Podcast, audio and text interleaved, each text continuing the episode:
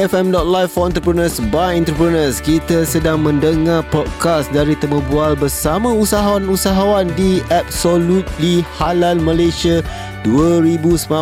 Ha, jom kita dengarkan perkongsian pengalaman, cabaran dan harapan mereka. Jom kita dengarkan.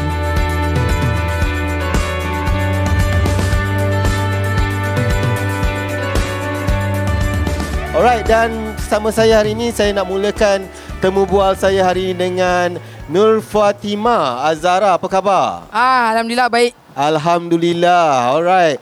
Okay, nak panggil apa? Fatima Azara? Ima je. Ima. Okay, Ima. Ima daripada My Own Bakes Cafe. ya, betul. Okay, boleh ceritakan sebenarnya uh, bila mula My Own Bakes Cafe ni dan di mana sebenarnya? Oh, mula-mula kita buka My Own Base Cafe ni pada tahun 2012-2013 lah. Mhm. Mula kita bermula Lama ni ah lama sebab kita bermula kepada kecil-kecilan which is online. Okay. ah online, lepas online Mhm. baru kita buka booth macam ni lah.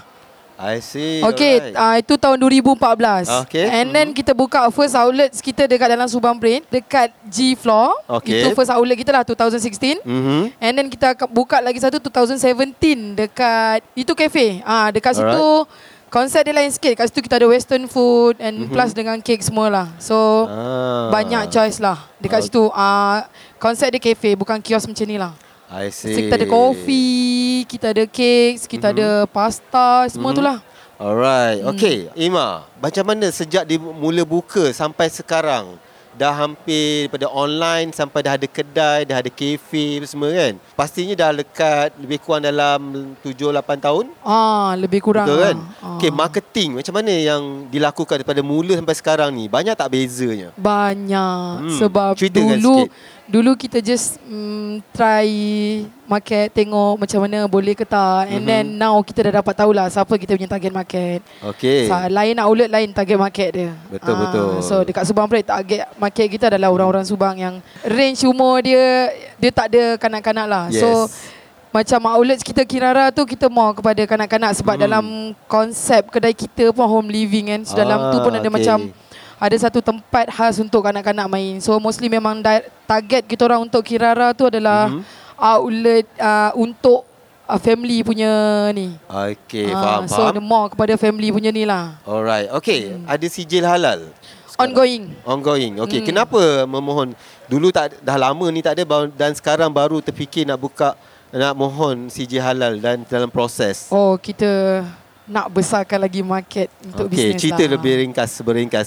Lebih Ah, ringkasnya mungkin adalah- beza antara uh, yang sekarang ni dan kalau uh, bila dah ada sijil halal. Okay, tu. kalau 2012 kita more kepada booth kan Mhm. and then kita buka outlet sebab kita nak buka kita punya range business tu besar Mhm. sikit. Mhm. And then kita buka pula cafe nak buka Mhm. lagi besar. Mhm. So step untuk next dia halal ni sebab kita nak buka lagi besar, kita Mhm. nak uh, oh so sekarang ni kita orang dah start buat untuk supply others cafes punya ni tau. Okey. Untuk cakes, Mhm. uh, food semua kita dah start supply. So untuk halal cert ni untuk kita masuk kepada macam hotel, I see. uh, kafe-kafe lain. Mhm. And then macam untuk food kita dah boleh catering untuk wedding. Uh, so kita nak range dia more kepada B2B punya business. Uh, that's why kita orang perlu, perlukan halal cert. I see. Ah. Okey, berapa lama agak-agak boleh uh, akan dapat CJ halal ni? CJ halal ni target di hujung tahun ni lah. Sebab dalam proses lagi. Mhm. Sebab nak dapat CJ halal ni pun bukan senang. Betul. Ah. Dia uh, walaupun uh, dia ambil masa tapi dia punya kualiti daripada JAKIM tu yang penting kan. Yes. Uh, diiktiraf bukan saja di Malaysia malah di seluruh dunia. Itulah kehebatannya CJ halal yang dikeluarkan oleh JAKIM. Alright, hmm. okey. Emma nak tanya cabaran sepanjang um, uh, business my own bakes cafe ni. Apa cabaran terbesar lah yang dihadapi? Cabarannya macam kita tahulah Mhm. untuk cakes punya business ni banyak sekarang ni buka kan. Mhm. So kita punya kompetitor pun agak ramai. Mhm. So kita nak tahu kita punya add on value kita apa, apa beza kita dengan kek kedai kek lain. That's why kita more it takes a few years lah untuk kita tahu siapa target market kita. Okey. Ah, so orang kata bukan mudah yang tiba-tiba buka tiba-tiba boom, tak adalah. Betul. Ah, so Dalam untuk orang kenal my own base cafe ni pun takes a few times jugalah untuk Betul. orang masuk.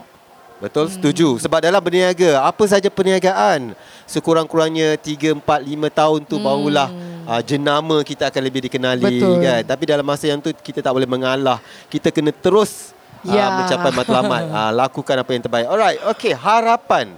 Harapan, Harapan. untuk Emma dan juga My Own Bakes ni. Mungkin Harapan 5-10 untuk My Own. Bakes ni kita orang akan buka satu apa central untuk Mhm. baking which is yang saya cakap tadi. Mhm. Kita orang punya vision baru adalah kita orang nak uh, apa ni supply B2B punya business lah. Okay. Maknanya kita akan Mhm. masuk kepada cafe and kita Mhm. akan masuk kepada apa ni hotel semua tu lah. Mhm. And harapan lagi satu untuk cafe ni pun kita akan buka lagi satu outlet. Aha. Uh, which is outlets tu yang quite big khas Memang orang tahu okay this is my own bakes cafe and cake dia macam ni quality dia harga dia macam ni Mhm. Ah, so dia ada dia punya st- ada dia- signature style dia Ah, sendiri yes, lah. signature dia sendiri ah. Ah, jadi memang betul kalau Ah. kita kita nak memastikan supaya bisnes kita tu orang kenal bila sebut je nama nampak logo tu je orang dah tahu dah. Oh, Ah, my own bakes cake. Ah, Ah. sedap cake dia ni. Ah, Ah, itu yang sebenarnya yang kita kena tonjolkan kan. Yes. Alright, okay terima kasih kepada Emma di atas perkongsian tersebut. Saya doakan supaya My Own Bakes Cafe akan mencapai kejayaan insyaAllah.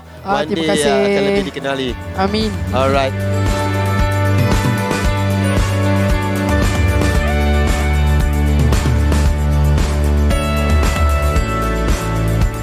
Itulah podcast acara Absolutely Halal Malaysia 2019 yang disediakan oleh tim E EFM.live. Teruskan mendengar podcast-podcast lain hanya di FM.live for entrepreneurs by entrepreneurs.